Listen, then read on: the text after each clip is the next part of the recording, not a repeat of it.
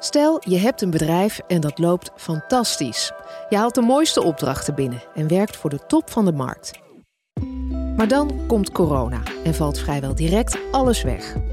Het overkwam Jurjen Hesseling, die met zijn bedrijf Jur 25 man in dienst had en de audiovisuele productie deed voor grote evenementen van topmerken als Google en ING. Mijn naam is Annette van Soest en in deze nieuwe podcastserie Stappenmakers hoor je ondernemers stappen maken. Omdat ze kansen zien, willen groeien of omdat ze moeten.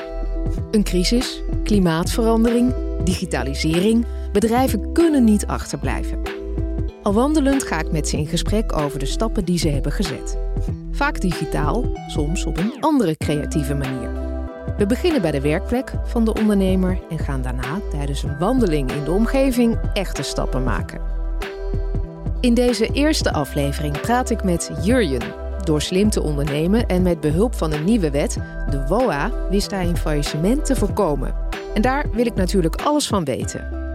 Ik ontmoet Jurjen in zijn nieuwe bedrijfspand in Amsterdam-West. In een grote loods waar decors worden gebouwd. Want ja, hij staat nog steeds overeind en kijkt alweer vooruit. Zo, dat is de bel. Sfeer op maat staat er op de deur. Evenementenbouw, standbouw, decorbouw. Hi. Hoi. Hi. Jurjen? Jurjen. Ja, Annette. Hi Anne. Hi. Oh, we moeten afstand houden. Ja, we moeten afstand Want ja, de coronaregels zijn er nog steeds.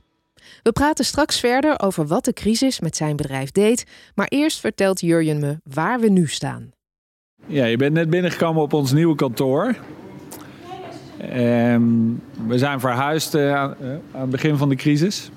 Toen de crisis begon, was ik op het punt om een pand te tekenen. En dat mag je niet meer doen als je een faillissementsituatie in de ogen kijkt. Dus dat was mijn redding eigenlijk, een van mijn reddingen. Want toen mocht ik weg uit het pand. En dat scheelde me 15.000 euro per maand aan huurkosten. Nou, inmiddels duurt de crisis 12 maanden, dus dat is een hoop geld. Uh, toen was Sfeer op Maat, een decorbouwer, vriendje van mij, JP... Uh, zo vrij om te zeggen, ik maak wel wat ruimte voor je. En dan heb je wel een plek om te werken, want je moet toch door. En daar zijn we nu? En daar zijn we nu. Laat eens wat zien. Geef eens een kleine rondleiding. Nou, eigenlijk loop je in een grote bouwput, want we hebben net een studio uh, gebouwd in de afgelopen maanden. En we gaan nu mee naar de werkplaats.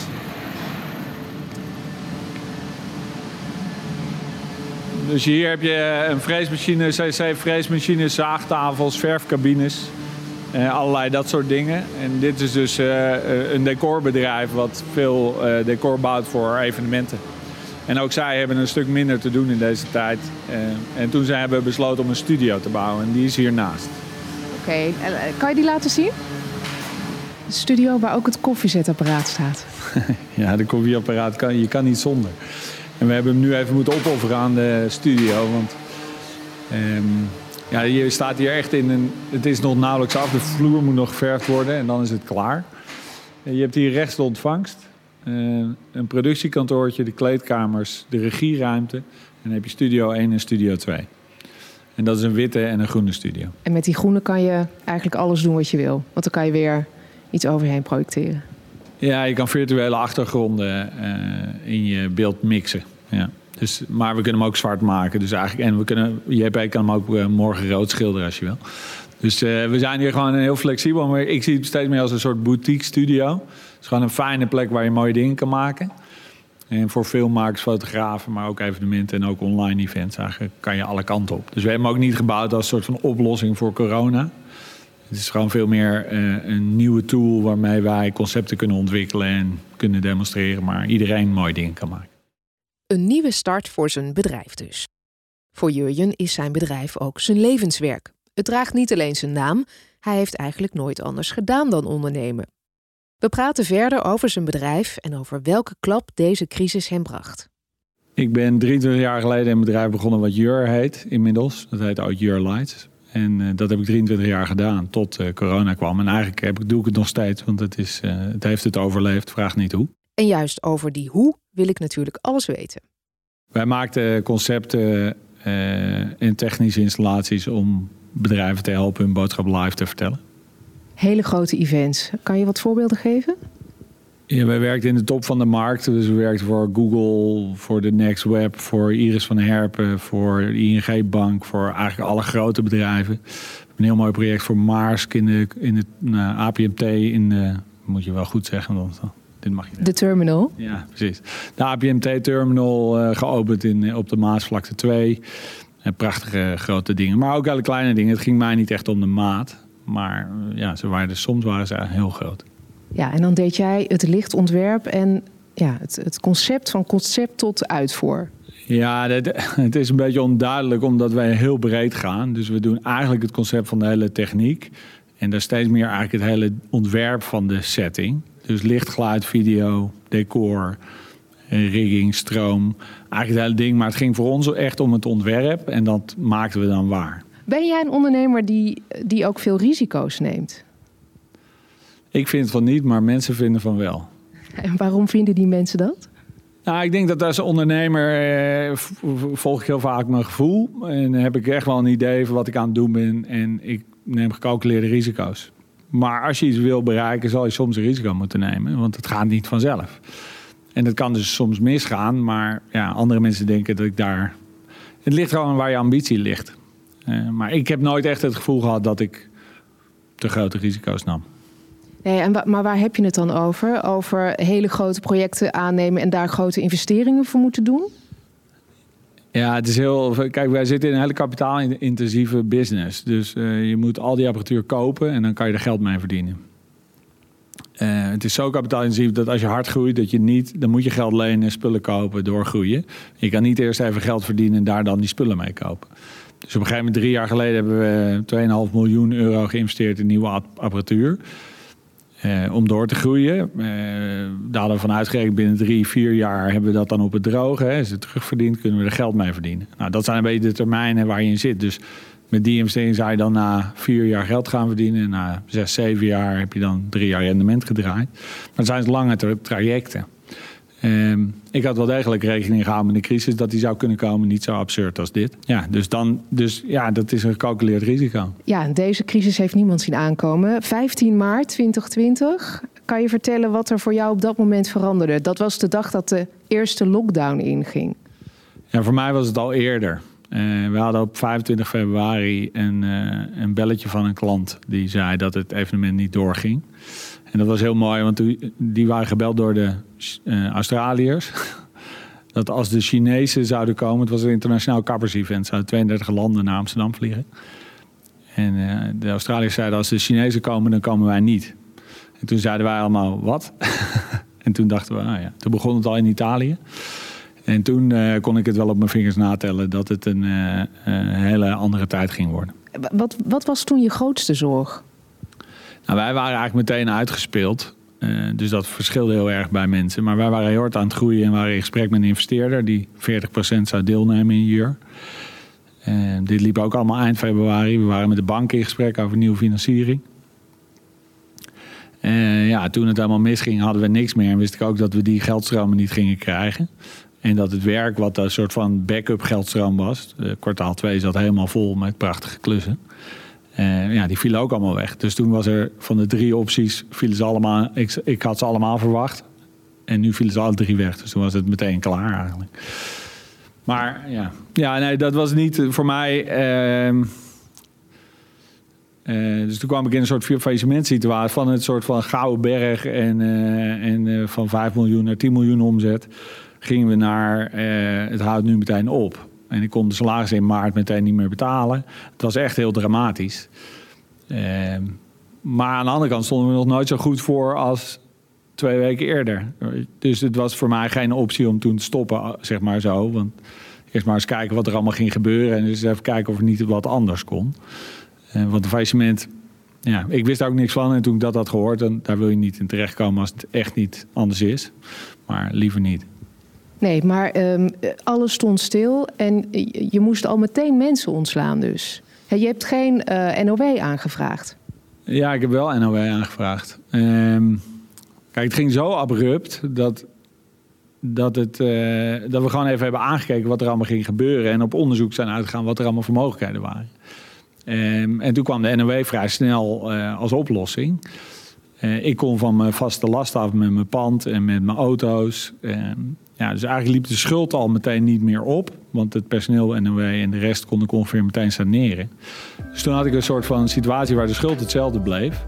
En ik dus even tijd voor mezelf creëerde om uh, de oplossing te zoeken. En die oplossing vond hij ook.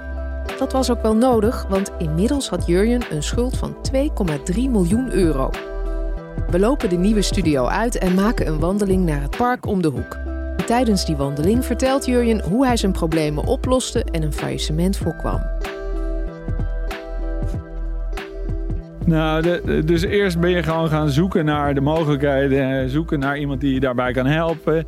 En dat kwam zo uit al die gesprekken, ik heb een aantal advocaten gesproken, ja, werd op een gegeven moment duidelijk wat er wel en niet kon.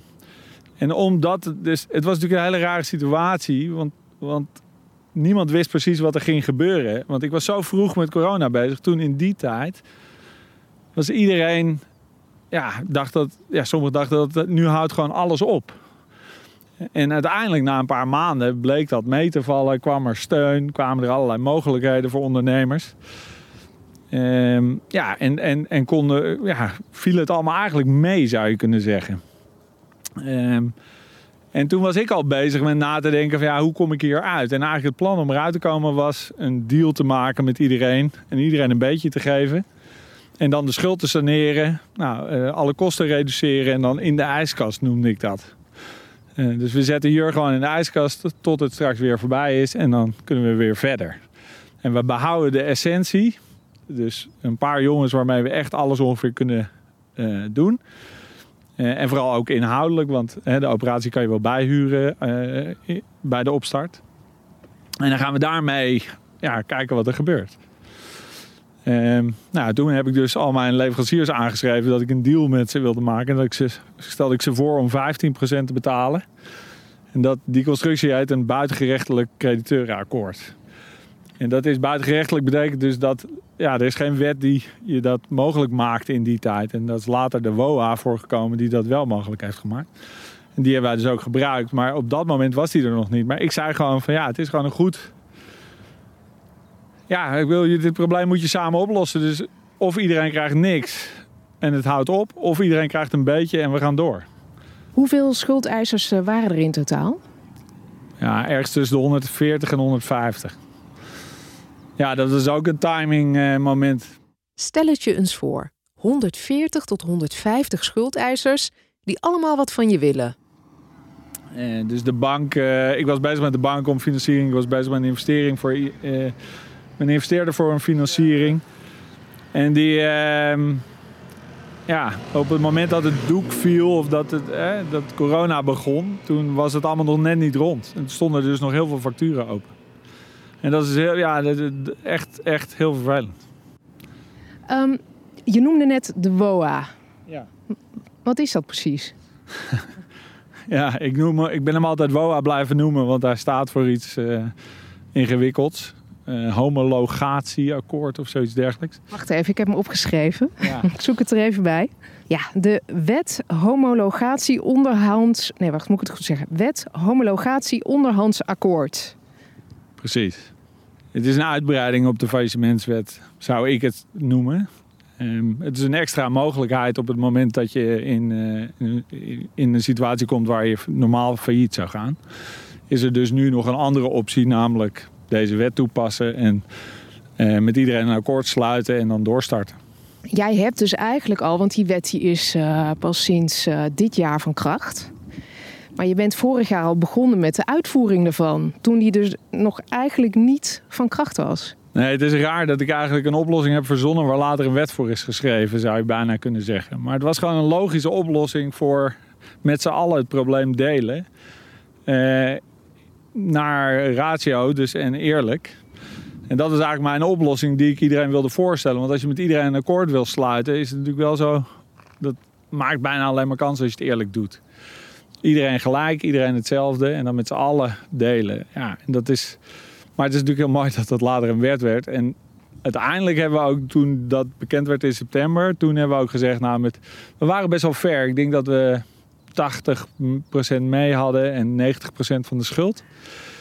En, eh, maar toen, ja, de laatste paar, die kregen we niet over de streep. En eh, ja, dat is ook logisch, dat we, of logisch, ieder verhaal op zich. Maar de een had, hadden we geen relatie mee en de ander die, die had toevallig in het kort terechtgekomen. Dus er waren allemaal redenen dat mensen niet mee wilden werken. Ja, dat heb je ook te respecteren, dat is prima. Maar nu, het zou natuurlijk ook zonde zijn door, door 10 mensen, 150 mensen eh, naast de boot pissen. En, en met deze wet konden we dat dus oplossen. Want die WOA zorgt ervoor dat je de schuldeisers die niet mee willen doen, als je maar genoeg uh, schuldeisers hebt die wel aan boord zijn, dan kan je deze dwingen om toch onder voorwaarden mee te laten doen aan die schuldsanering.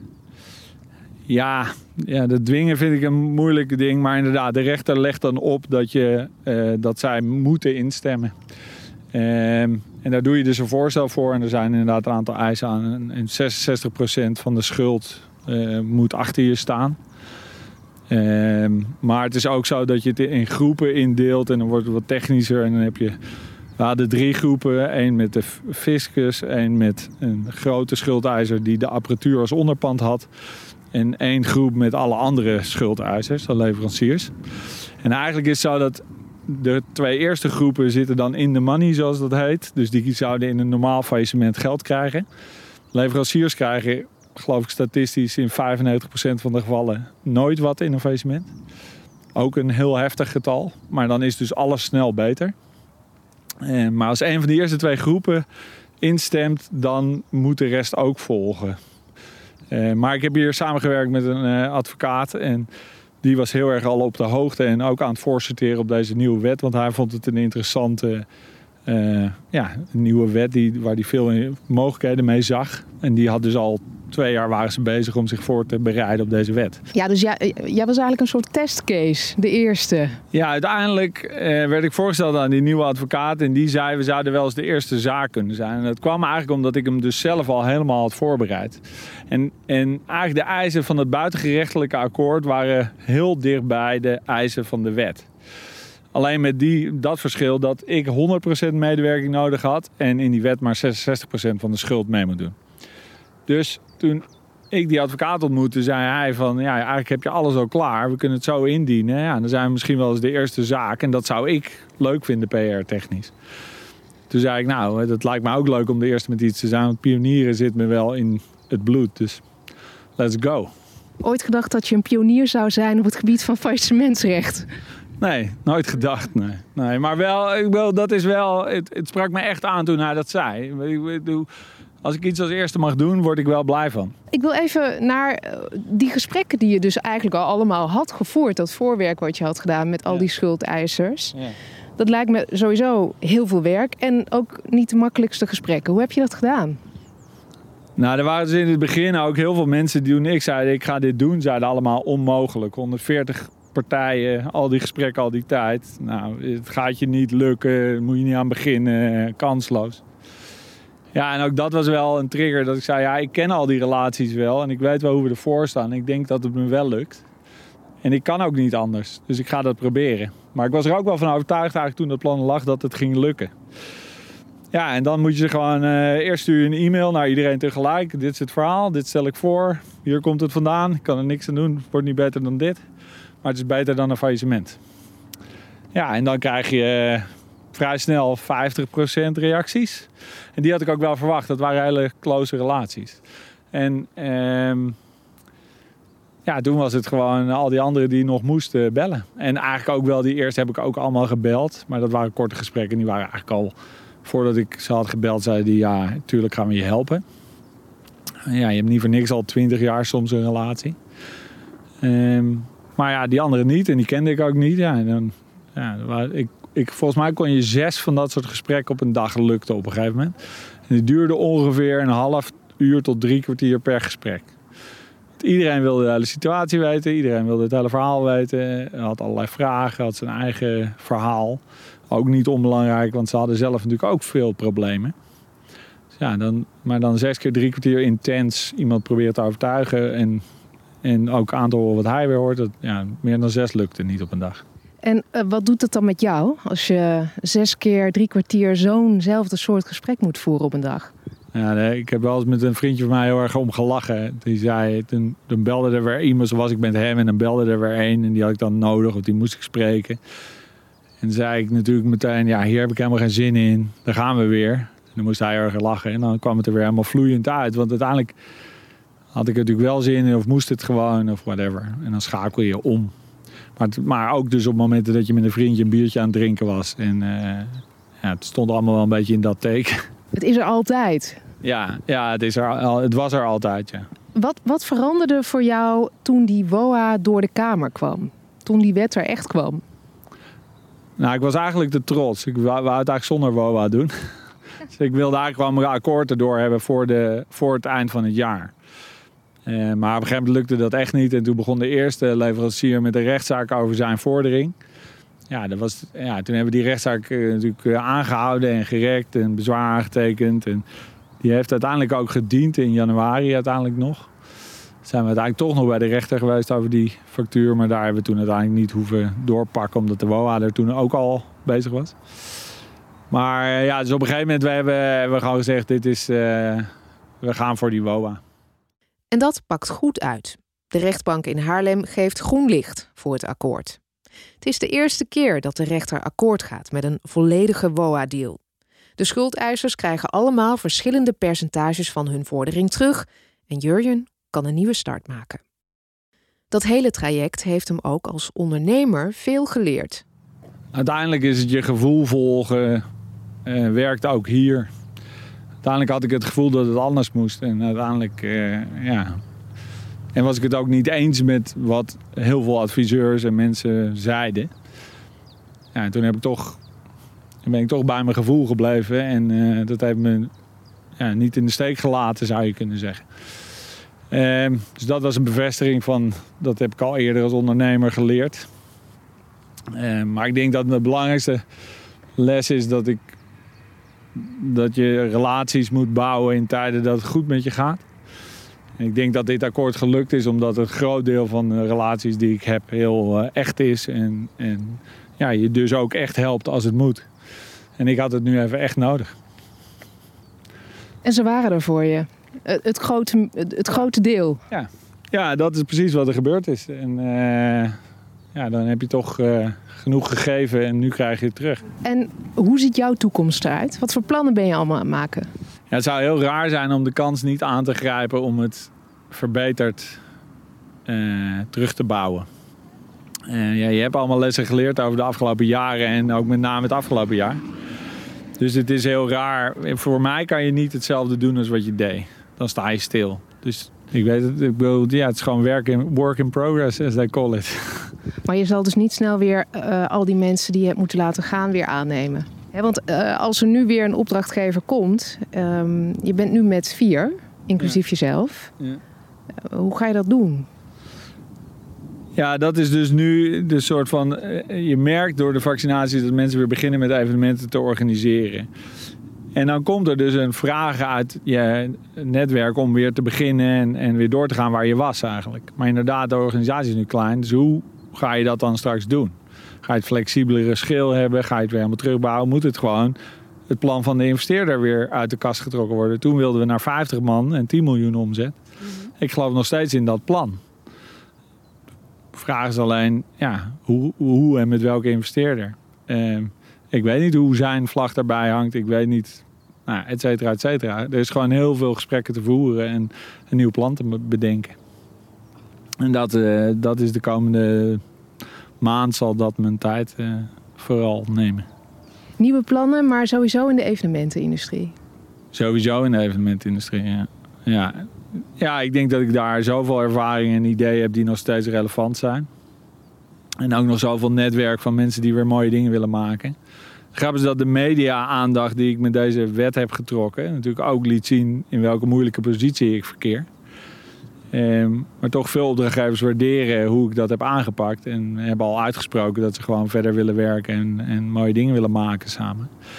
Um, dus uh, uh, ja, wat mij betreft gaan we nog heel veel mooie dingen maken.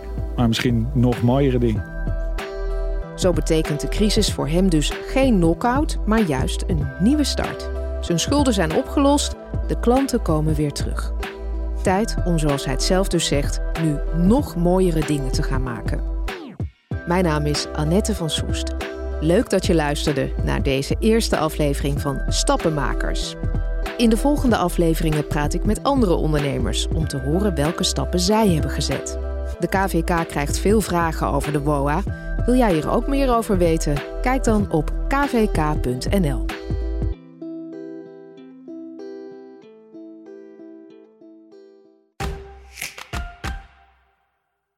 In de volgende aflevering praat Annette van Soest met Jules Hoekstra van City Webshop Breda. In december 2020 moesten bijna alle winkels door de crisis hun deuren sluiten. Veel lokale winkeliers hadden nog geen goede webshop, maar moesten toch hun hoofd boven water zien te houden.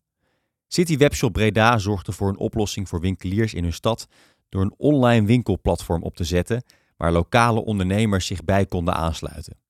Jules vertelt in deze aflevering hoe dit bedrijf opgestart is en welke digitale stappen ze zetten om het platform tot een succes te maken. Voor zichzelf en voor de lokale winkelier.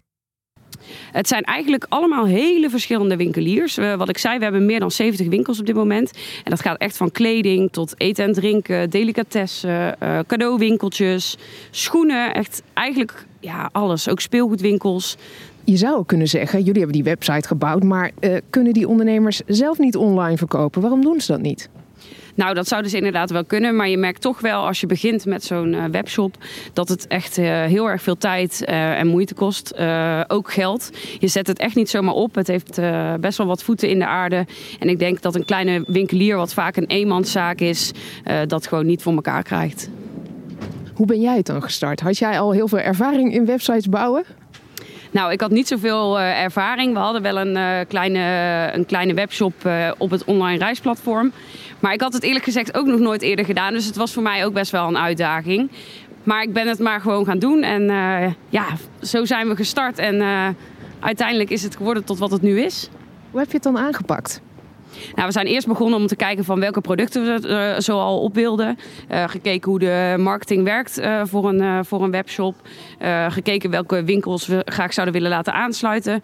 Dus eigenlijk een kort stappenplan gemaakt. En iedereen is zijn taak gaan doen en dat gaan uitzetten. Jullie hebben ondernemers dus benaderd of ze mee wilden doen. Was er meteen een grote animo? Uh, nou, we, hadden op het moment dat we de winkeliers gingen benaderen natuurlijk nog geen webshop. Dus je kon nog niks laten zien. Maar mijn collega Merel, uh, ja, die is daar echt heel erg, uh, heel erg goed in. Echt aangenomen als accountmanager. En zij heeft die winkels weten te overtuigen dat het iets inu unieks is in Breda. En ja, dat wij op die manier voor hun toch extra producten kunnen gaan verkopen.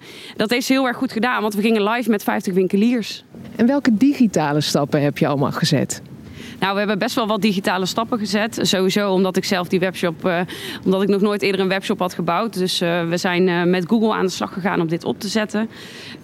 daarnaast hebben we natuurlijk het online betalingssysteem. Wij mogen geen geld van derden inhanden, dus wij zijn gekoppeld aan MangoPay. Dat gaat ook allemaal digitaal, dus de hele geldstroom gaat digitaal. En daarnaast natuurlijk de online marketing. We zijn bezig op dit moment ook met Google Shopping in te richten. Ehm, ja, om straks ook in, in Nederland toch lokale producten uit Breda te kunnen verkopen. Hartstikke mooi. En liep het ook al meteen vanaf de start? Want jullie zijn in december live gegaan, voor de feestdagen dus. Ging het allemaal gesmeerd? Uh, nou, het ging eigenlijk best wel goed aan het begin. Uh, het gaat nog steeds goed hoor. Maar uh, we zaten inderdaad, we gingen net voor kerst gingen we live. En ja, toen hebben we echt een hele enorme piek gehad. Ook omdat je wel merkt in Breda dat die mond-tot-mond reclame ja, dan best wel hard gaat. Dus mensen wilden echt graag bij ons iets bestellen. En ze hebben het dan ook nog eens dezelfde dag in huis.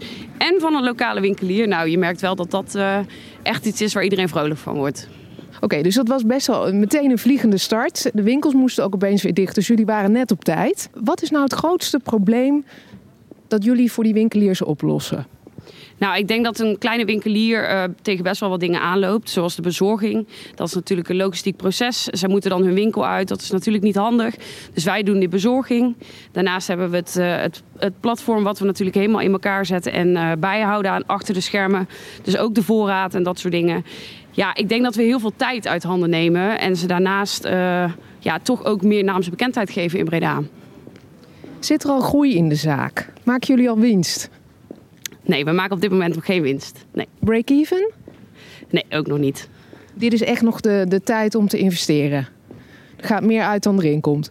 Ja, we zijn inderdaad op dit moment enorm aan het investeren. En dat is ook iets eh, wat we samen met die winkeliers eh, doen. We investeren echt in het platform. We willen echt dat, eh, ja, dat, dat die winkelier er vooral ja, uiteindelijk echt heel erg veel baat bij heeft. Maar ja, de City Webshop Breda moet nog groeien. Wil jij ook stappen zetten? Loop dan 1600 stappen mee tijdens het luisteren van deze aflevering. Liever meelezen? Kijk dan op kvk.nl.